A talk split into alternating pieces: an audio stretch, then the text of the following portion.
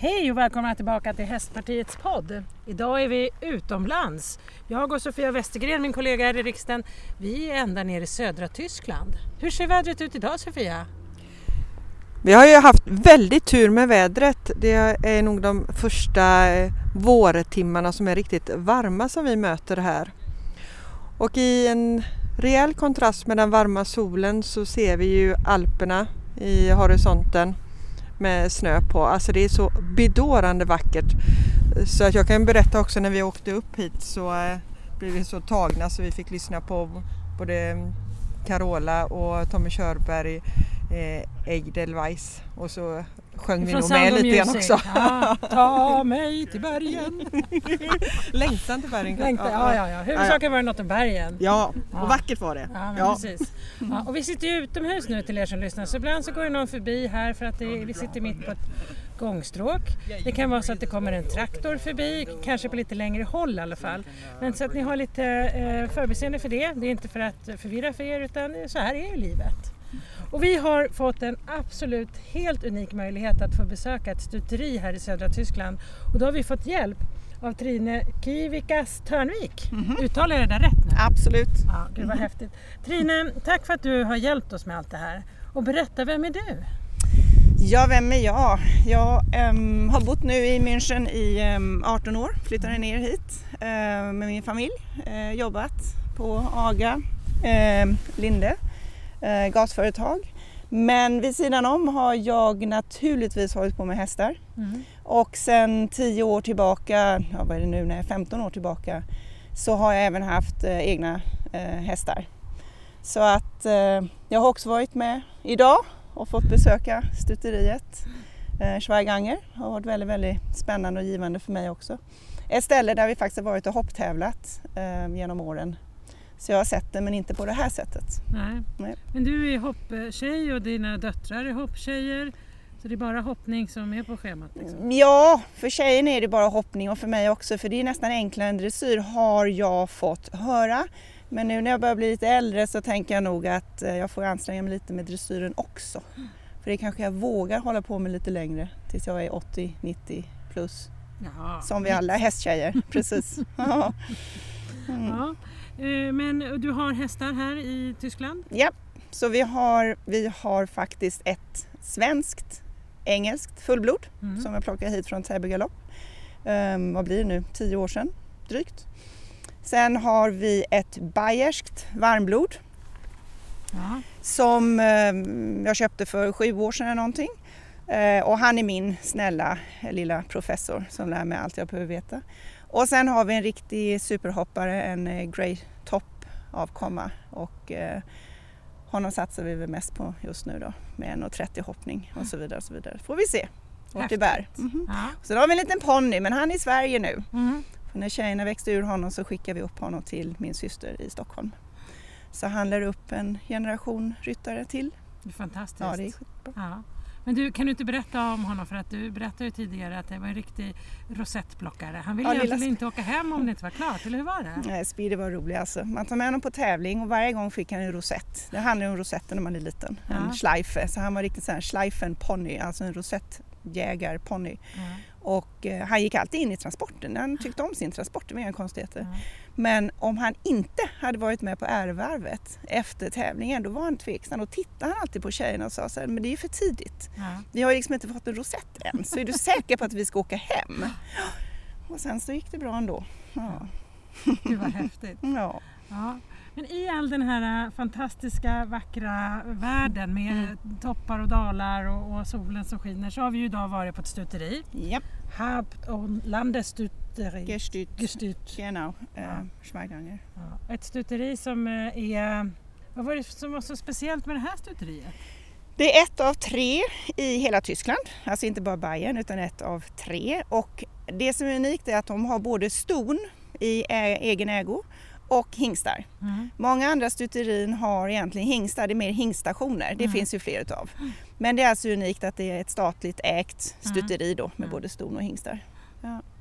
Skillnaden till er som lyssnar är ju att eh, det är ju annorlunda i Tyskland. Regionerna är ju mer egna här så att det är ju egentligen, om vi skulle översätta det till Sverige, eh, regionalt eh, finansierat. Ja. Men, de regionerna är ju som små egna eh, federala stater, eller bundesländer. Eh, men det finns totalt tio stycken i Tyskland varav då tre är som har både hingstar och, och, och ston. Hur, de hade ungefär 250 hästar, eller hur var det? Det sa hon ja, 250 ja. hästar ja, precis. Ja. Eh, spridda mellan som sagt både hingstar och de här stona då. Ja. Och sen alla tvååringar, treåringar, fyraåringar, varmblod, kallblod, hafflingar. Mm. Så de har ja, ganska så stor bredd liksom mm. på det hela. Så inte bara sporthästar, det är viktigt, utan de föder även upp kallblod och eh, hafflingar. Fantastiska havflingar. Alltså, mm. Tänk om man bara kunde stoppa med en i väskan och ta med hem. Mm. Ja, så gulliga. Men vi åkte ju runt där på ägorna eh, Sofia, berätta, vad var ditt intryck av att åka omkring där? Det här stuteriet de pratade ju om att de hade ett uppdrag att eh, ta tillvara kulturarvet och det var ju otroliga vidder. Det var ju många hektar som hästarna fick gå på och det var ju ett böljande landskap där hästarna kunde gå över stora eh, marker och få muskla upp sig och röra sig i det fria. Och de pratar ju väldigt mycket om det, en hållbar häst, den ska vara korrekt avlad eh, med bra gener för att ha en hållbarhet över tid. Eh, alla byggnader, allting, det var ju en väldigt gediget, det var ju väldigt rejält byggt allting. Och de har också utbildning där, de har ju snickeri eh, där det är hantverkare som man kan tro håller på och bygger på de här byggnaderna. De hade hovslageri där på plats. Så att det var ju flera ben för dem att stå på och det sa de också var väldigt viktigt inför framtiden så att det här kommer få lov att fortsätta finnas och blomma på det fantastiska vis som vi fick se här idag. Men ehm, då kan man tänka så här, statligt stuteri, hur blir det här egentligen med eh, fri, alltså konkurrensen mellan privata och statliga? Det var något som vi pratade om idag, eller hur Trina? Ja, det hon sa var att hon har möjligheten egentligen att finansiera en annan typ av hästhållning. Det handlar alltså inte bara om snabba pengar som de här andra privata stuterien. De eh, då nämns ju alltid Tjockemölle till exempel och så vidare. Där handlar det om att få ut så mycket av varje häst. Här har hon egentligen gjort så att när en hingst tas tillbaka eller kommer tillbaka från sporten och kan då pensioneras från sporten då får han vara bara hingst. Mm. Och därmed så blir det även eh, väldigt mycket bättre avel från de hingstarna och stoägarna uppskattar detta enormt. Så de har ett stort, en stor eh, efterfrågan på just den typen av hingstar. Mm. Och då, gör, då, blir det väl också eh, följden av det här att det finns ganska många bra hästar eh, vidare i, i, inom aveln? Inom sporten? Ja, ja, ja, ja. Tyskland och, och även Schweiganger har ju haft väldigt många fina om man säger, avkommor och eh, starka och bra hästar som mm. sagt var som är insatta i sporten idag. Man blev ju väldigt frestad att själv hoppa på det tåget. Men alltså de var ju jättefina och det diskuteras ju mycket mellan stoägare att skicken då, eh, sperman inte håller en eh, riktigt bra kvalitet. Här diskuteras ju väldigt mycket kvaliteten så att det blir dräktigt hela vägen eh, för att få en eh, bra ekonomi. Stoägarna känner sig ofta väldigt ensamma med sin uppgift att få stoet dräktigt och man diskuterar då om det har funnits en bra kvalitet i skicket. Och det hörsammas man väldigt tydligt med här. Precis, precis. Men här hade de både, vad kallar man det i Sverige, naturbeteckning eller? Eh... Ja, naturlig beteckning alltså. Ja. Eh, och det är ju någonting som nästan har försvunnit ifrån eh, varmblodsaveln, sportsaveln överhuvudtaget. Eh, det här med naturlig beteckning. Jag tror att det finns bland bara fullblod. fullblod. Bara det är fullblod. faktiskt ja. Eh, lag på. Mm. Att det ska vara Just naturlig det. beteckning. Mm. Och det har man ju också sett att de stona som kanske inte tar sig i med semin och frusen semin är ju än svårare kan då bli ehm, dräktiga med naturlig beteckning. Mm. Ja, fränt. Eh, men vi fick ju också möjligheten att se några föl. Ja, en som var två dagar gammalt, ja. Ja, låg och sov, mm. steg upp efter en stund. Mm. Och sen alla andra dräktiga ston som väntade på dagen. Mm. Ja, igår var egentligen eh, beräknad ja. nedkomst. Ja. Så vi planerade på att stanna över natten va? Så vi Ja. kunde vara med och lära oss lite för vår Yes. egen framtida Ja, så, så var det. Alltså vi funderar ju lite grann på just nu om vi ska resa tillbaka och kanske få ta emot upp till tre stycken föl i natt. Vi vet inte. Jag kan skjutsa dit er så hämtar jag er imorgon bitti.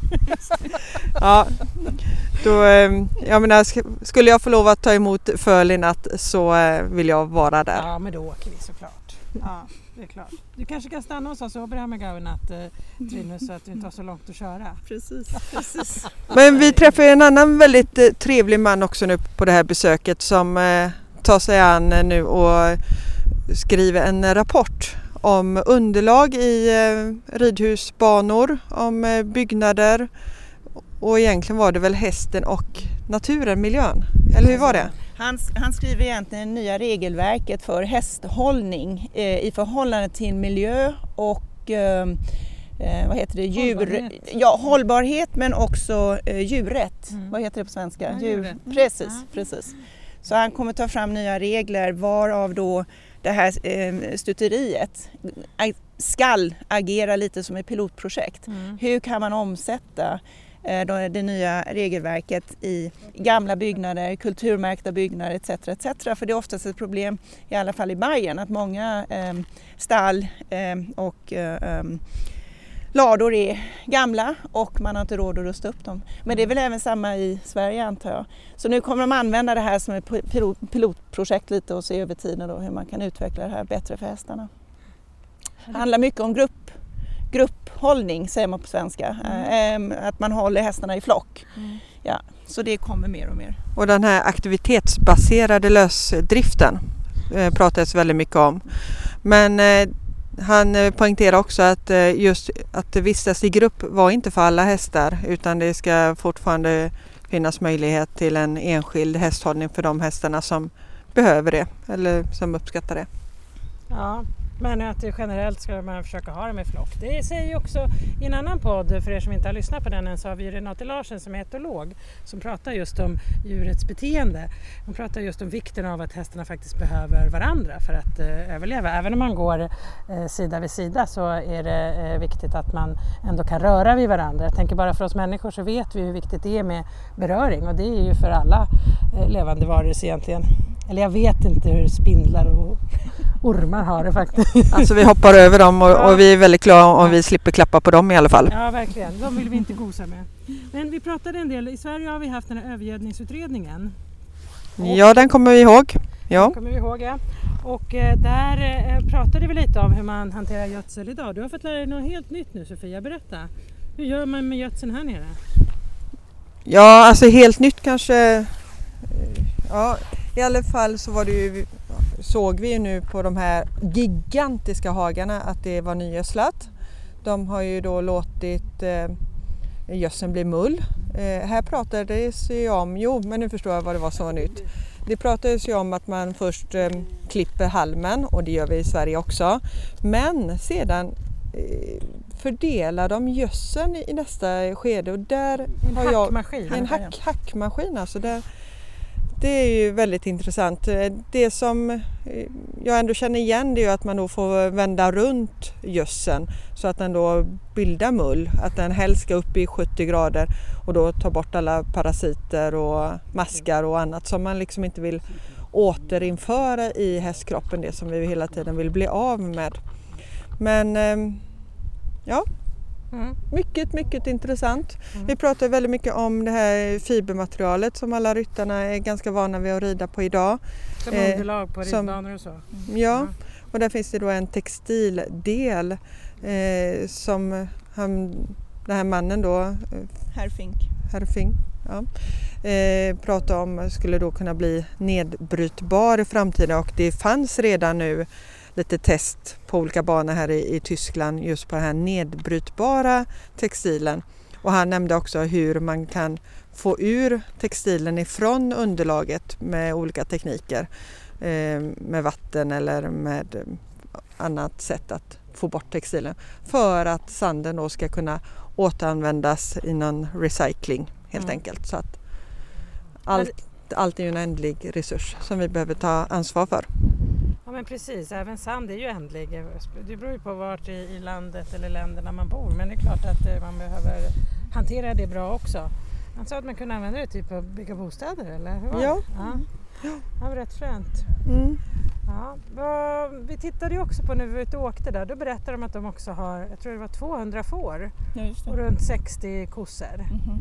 Eh, Och då undrar ju vi lite hur man gör med växelbete här i Österrike. Eh, och fick lära oss att de hade upptäckt någonting som naturligtvis inte är forskningsbelagt men ändå eh, som hade hänt att om kossorna hade gått först så hade, visst var det så, varmbloden hade fått eh, Melanom, melanom. Precis. Och ganska snabbt därinpå. Kommer du ihåg hur snabbt det var? Snabbt och ganska aggressivt var det också. Så att om, eh, om hagen inte lämnas eh, obrukad i, i åtta veckor så var det risk att det här, ett typ av herpesvirus som korna bär på, Mm. tas upp av eh, hästar, och då speciellt varmblod, alltså inte kallblod. Mm. Eh, och att de då kunde utveckla eh, de här melanom, de som vi ofta ser på skimlar. Mm. Men i det här fallet på vilken färg som, häst, som helst. Mm. Och tydligen då sa hon väldigt mycket aggressivare, man liksom snabbare för den här skimmelmelanomet vet jag brukar ibland växa väldigt, väldigt långsamt. Ja, ja. Men den här gick väldigt då, eh, eh, snabbt då.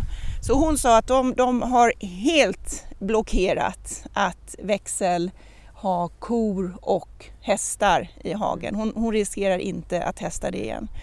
Sen sa hon också, det kan ju bero på koras, det kan bero på det ena och det andra. Så vi fick inte riktigt klart för oss det senaste forskningsrönet men hon skulle, hon skulle nog återkomma om hon vet mer. Men jag tror man ska vara lite försiktig där innan man... Och, det här är ju väldigt intressant för att anled- anledningen att man vill växelköra olika djurslag det är ju för att parasiterna, alltså inälvsmaskarna, inte kan gå emellan en kossa och en häst och ett får. Och därför uppmuntras ju eh, djurhållare att växel eh, beta eh, djur på samma ängar. Men nu när vi fick höra om att det kan dyka upp en herpesbaserad melanom så kändes det som en, också en sak att man tar med i sin beräkning. Jag tänker om det är någon som lyssnar nu som har varit med och ehm, eh, att det här har hänt i Sverige eller någon annanstans så får ni jättegärna hö- höra av er för det här känner jag att vi skulle man ju behöva forska mer på eller det kanske man gör. Vi måste fråga på SLU om, om det är gjorts men det är ju oerhört intressant för jag tänker det här kan ju vara livsfarligt faktiskt. Ja. Ja. Jaha, har vi fått lära oss något mer? Ja, det vi vet att hästarna är väldigt vackra. Ja. Hästarna är väldigt vackra och att det är magiskt vackert landskap här och att vi sitter här nu och bara lapar i oss solen, eftermiddagssolen. Just precis. Men jag tittade ju på några hästar när vi var där och eh, de var ju inte eh, sådär, eh, alltså de här fina hästarna som, som de inte säljer men om de skulle sälja dem så skulle de gå loss på kanske en eller två miljoner. Mhm. Men, men en liten haflinge där som jag gärna hade stoppat i, i, i transporten hem, den gick loss på 120 000. 120 000 svenskar Ja, snackar vi precis. nu. Mm. Eh, Så att det är ju mycket pengar naturligtvis men det är ju inte en... eh, eh, så Det skiljer sig inte liksom i- ifrån Sverige utan eh, ska man ha sig en haflinger så skulle man kunna köpa den för 120 000 här Ja. och transportera hem helt enkelt. Ja. Mm. En stor skillnad mellan Sverige och, och Tyskland är ju ändå att i Sverige har vi ju fantastiska ridskolor. Eh, som vi alla vet, i varenda by nästan så finns det en ridskola eller flera på sina håll. Eh, det har man ju inte här i Tyskland. Trine, varför ser det ut som det gör? Det, jag tror inte riktigt vi har fått svar på det om jag ska vara helt ärlig, men jag har mina egna analyser. Mm. För eh, om jag ska berätta min historia lite kort då, så började jag ju eh, att försöka sätta mina döttrar i ridskola när de var sex år gamla. Hittade inga. Och jag blev väldigt förvånad och frågade liksom, hur lär man sig rida här? Jo, man köper sig en ponny eller en häst och sen har man en ridlärare och så lär man sig rida på sin häst. Det tyckte jag var lite underligt naturligtvis och, och eh, forskade lite vidare. Men det slutade med att vi naturligtvis skaffade oss en ponny. Men min analys är dels att det finns tillräckligt med pengar för att folk faktiskt kan köpa sig en häst. Och när man säger tillräckligt med pengar, då är det inte samma pengar som behövs i Sverige.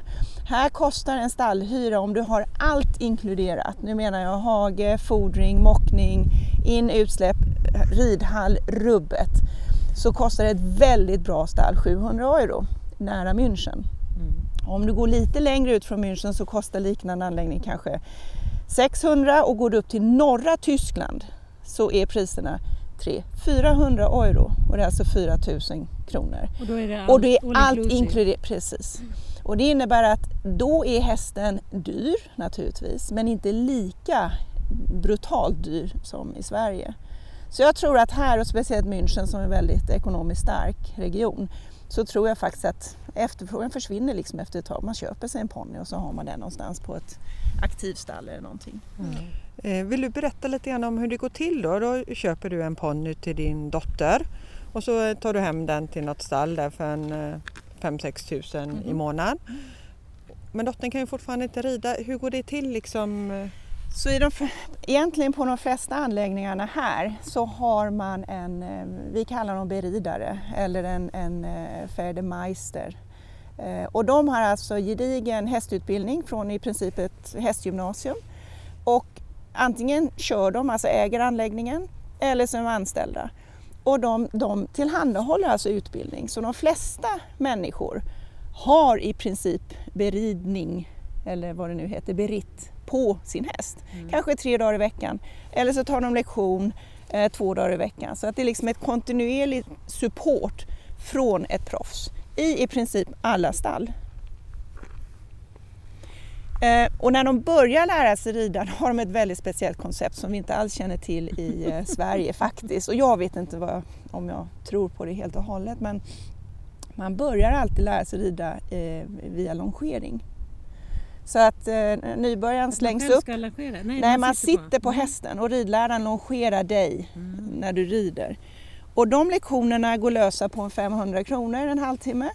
Och du behöver säkert 10 stycken innan du kommer in i en grupp.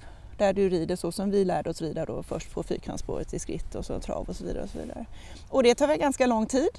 Och det är naturligtvis inte lätt att få tag på enskilda lärare om man säger med hästar då som man kan lära sig rida på i den här formen, formatet.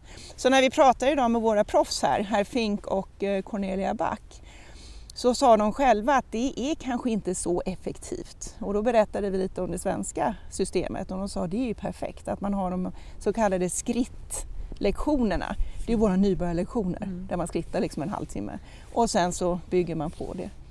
Så det är väldigt olika koncept. Och nu fick vi också höra att de väntade på en särskild maskin nu till eh, sin eh, anläggning. Kan du berätta lite grann om den? Ja, det är väl typ som de här rodeo, de här bulls, vad de nu heter. Va? Fast det, nej, det här är alltså en riktig proffs, eh, vad ska man säga, simulator, precis en ridsimulator. Där man kunde då simulera dels dressyrridning, hoppning, till och med terrängridning, Ja, fälttävlan. fälttävlan, allting. Eh, lät väldigt, väldigt spännande och det tyckte de att man skulle bygga in i ridutbildningen där man fick även den hade sensorer så man kunde känna var var man för tung, va? höger, vänster sittben eller var man för starka med ena skänken eller för hård i ena tygen eller någonting. Väldigt spännande alltså. En sån diagnostik tror jag vi alla skulle behöva. Verkligen. Vi får komma tillbaka helt enkelt. Precis, precis. Be snäll. Ja. Ja, jag tänker det var ju eh, mycket man kunde Alltså det handlar ju väldigt mycket om utbildning nu på Schweiganger. Sofia, du provade ju där att sitta och, och tömköra, nej inte tömköra, köra med tömmar i, i sadelkammaren. Ja, då hade de satt några lätta vikter på tömmen på båda tömmarna så att man skulle få känna hur det skulle kännas att eh, köra en häst helt enkelt. Hur lite man skulle ha i tömmen. Mm. Det hörde vi kyrkklockorna här i bakgrunden eh, ringa tre gånger. Det betyder att den är kvart i. Eh, och eh, kyrkan har ju väldigt eh, stark betydelse här i, i, södra Tyskland. Vilken tid på morgonen börjar de ringa egentligen? ja, första klockan hos oss är klockan sex. Ja. Och hur länge på kvällen? Jag har en kyrka precis bredvid mig men jag undrar om de ringer på kvällen. Ja. De är inte lika intensiva som här ute på landet. Ute på landet ringer de verkligen ofta. Mm. Men hos oss, jo men det gör de en gång i timmen faktiskt. Mm. Jo, jo, det gör de. Men man vänjer sig så fort, man hör den inte efter ett tag. Nej. Nej, vad. Ja. Jaha, men hur ser din framtid här, ut, här nere i Tyskland ut nu då Trine med liksom hästar och eh, drömmar och allt sånt där? Vart är du om fem år? Ja precis, och om jag bara får drömma så har jag nog en anläggning om fem år någonstans där jag kan förverkliga allt det jag har lärt mig från ridskolan i Sverige till hur skolsystemet fungerar i Tyskland där barnen tas redan som, barnen tas, men det låter väldigt brutalt, men det är så. Redan som nioåringar måste de prestera för att komma vidare i nästa skolsystem, då gymnasiet. Så att de är ganska hårt hållna om man säger barnen, så jag skulle gärna vilja kombinera någonting, hästar och eh, barnutveckling, barnuppfostran. För hästen har så otroligt mycket att ge flickor, även pojkar, men väldigt mycket flickor med självförtroende och alltihopa. Mm. Så om fem år hoppas jag att jag kan bjuda in er till min anläggning någonstans vid München. Ja, vi kommer. ja, men det bestämmer vi. Ja. Vi kan hjälpa till att klippa band och sånt där. Vi ser lite stolt. Vi kan kamma oss också. Ja, ja det är vi duktiga på. Det fram emot. Ja. ja, härligt. Mm. Och Sofia, vi är ju kvar i Tyskland även i, imorgon och sen bär det hem. Hur ser, du håller ju på och väntar eh, smått. Inte du, men eh, Nej. hästen. Men eh, oj vad jag väntar och väntar och väntar. Ja, hon, vi väntar föl, jag och hästen. Ja. ja. När är det dags då? Slutet på april. Herregud, det är ju mm. faktiskt ganska snart. Mm. Mm. Hur förbereder man sig för att man ska få ett föl nu då? Jo, nu finns det kamera uppe och jag visade ju dig förut att eh, hon har fått eh, kutterspån för annars så står hon på torv och hon är totalt kolsvart den här stoet som väntar föl och då syns hon så dåligt i kameran så därför får hon stå på kutterspån så det blir en kontrast. Eh, sedan har hon också en fölvakt som hon kommer ha på grimman. Man kan också ha det på en rullningsjord som ringer upp eh, mobiltelefonen när det är dags. Men, och sen har vi hur också... Vet, om man har den på grimman, hur vet den att det är dags då? Ja, jag vet inte riktigt. Den talar om det på något vis när den ja. lägger sig där i något läge som okay. någon har räknat på saken. Ja. Så att antingen sätter man fast den alltså under huvudet mellan ganacherna där på grimman på något mm. vis. Nu är detta en häst med ganska små öron och väldigt duktig på att ta av sig grimman så att jag vet inte riktigt hur det går. Annars så sätter man den i en jord runt magen och då är det en, liksom, en båge, en metallbåge över manken och så sätter man fast den här dosan. Det är liksom en, som en mobiltelefon kan man säga fast en lite tjockare och inte riktigt lika lång. En hoptryckt mobiltelefon som man då kan spänna upp i den här metallmojsen där uppe. Jag är lite spänd faktiskt men jag tänker ändå att det viktiga är att man håller koll alltså, eh, hela tiden. För en eh, fölning ska max ta 30 minuter. Mm. Så det är en väldigt kritisk snabb stund där och stomna är jätteduktiga på att dölja det här ända in i sista och helt plötsligt så är det bara klart. Mm. Ja, otroligt spänd är jag på det här. Måste man liksom, jag tänker jag har ju nyss då åkt Tjejvasan och det har varit Vasalopp i Sverige och man eh, kolhydratsladdar och liknande. Ger man det till hästar också så är det någon form av uppladdning där inför eh, förlossningen? Detta är ju en ganska litet eh, sto, hon är 1,64 med näpet sto. Hon har aldrig haft någon större matlust. Eh, så, men nu äter hon faktiskt en eh, sjätte påse hö som vi lyckas knö in där mellan eftermiddagsmålet och kvällsmålet. Som hon äter upp också. För hon vill inte ha en massa hö som hon trampar runt i boxen. Det tycker hon ser skräpigt ut och tappar hon matlusten totalt. Så hon vill ha det snyggt och fint runt sig och har nu fått eh, en extra påse om dagen. Så det är inga specialmedel eller vitaminer eller? Nej, jag tror nog att vi behöver nog ha mindre av sådana här specialgrejer. Jag pratade med Mr eh, Fink. Fink. Fink. Jag har så svårt att säga Fink, jag tycker det låter som en fågel. Mr Fink. Det är en fink, det är en fågel. ja, jag liksom fastnar. Mr Fink, eh, otroligt eh, kunnig man.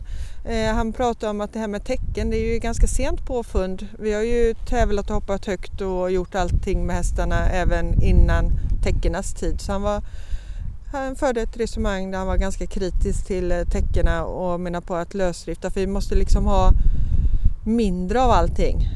More is less brukar vi säga. Och, och det tänker jag också givet här med.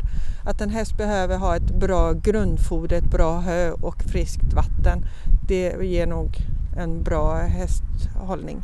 Mm. Ja, han sa faktiskt till mig att det skulle vara mindre bling-bling och rosa och mer att hästen får vara som en häst. Mm. Ja, det var intressant. Nu får vi en liten vovve som kommer här och hälsar på. Han vill också vara med i våran podd. Vaktist. ja, så det, men i alla fall väldigt eh, spännande tider framöver då. För både Trino här i Tyskland och för Sofia hemma i eh, Stenungsund. Jo, Ja, kommer bli körigt. jo, Ja, men roligt. ja. Ja, det ska bli spännande att följa. Vi får väl köra en uppföljningspodd här när vi vet lite mer helt enkelt. Mm. Ja. Men hörni, hur ser efter, resten av dagen ut nu då Trine? Du ska åka hem eller ska du till hästen? Ehm, nej, jag åkte faktiskt skidor förra veckan i Italien. Så att jag kommer bara tacka av våra svenska gäster ikväll och så åker de hem imorgon. Så jag har haft en hel vecka utan hästarna. Och det, det känns ganska tungt faktiskt. Så Mm. imorgon blir det hela dagen i stallet igen. Ja. Visst kände ni också när man var där i stallet på stuteriet idag? Axlarna åkte ner, man kände att man andades lite lättare. Det är så skönt. Men så har det alltid varit för mig. Så när jag, jag har alltid jobbat fulltid naturligtvis. Eh, Och eh, för mig räckte det ibland om jag inte hann till stallet så räckte det bara att ta på mig ridbyxorna hemma. så, gick, så gick pulsen ner och man mådde jättebra. Men det kanske kan vara ett tips till mig nu här när det är valår och det kommer att vara väldigt mycket att göra. Men om jag kampanjar i ridbyxorna så Ja. kommer jag behålla lugnet. Funkar. Fantastiskt. ja, men vi fortsätter helt enkelt med en ny podd även nästa vecka. Och tack för att ni har lyssnat och eh, tack Trine och Sofia för idag. Ja, tack Tack själv. och hej! Tack, tack.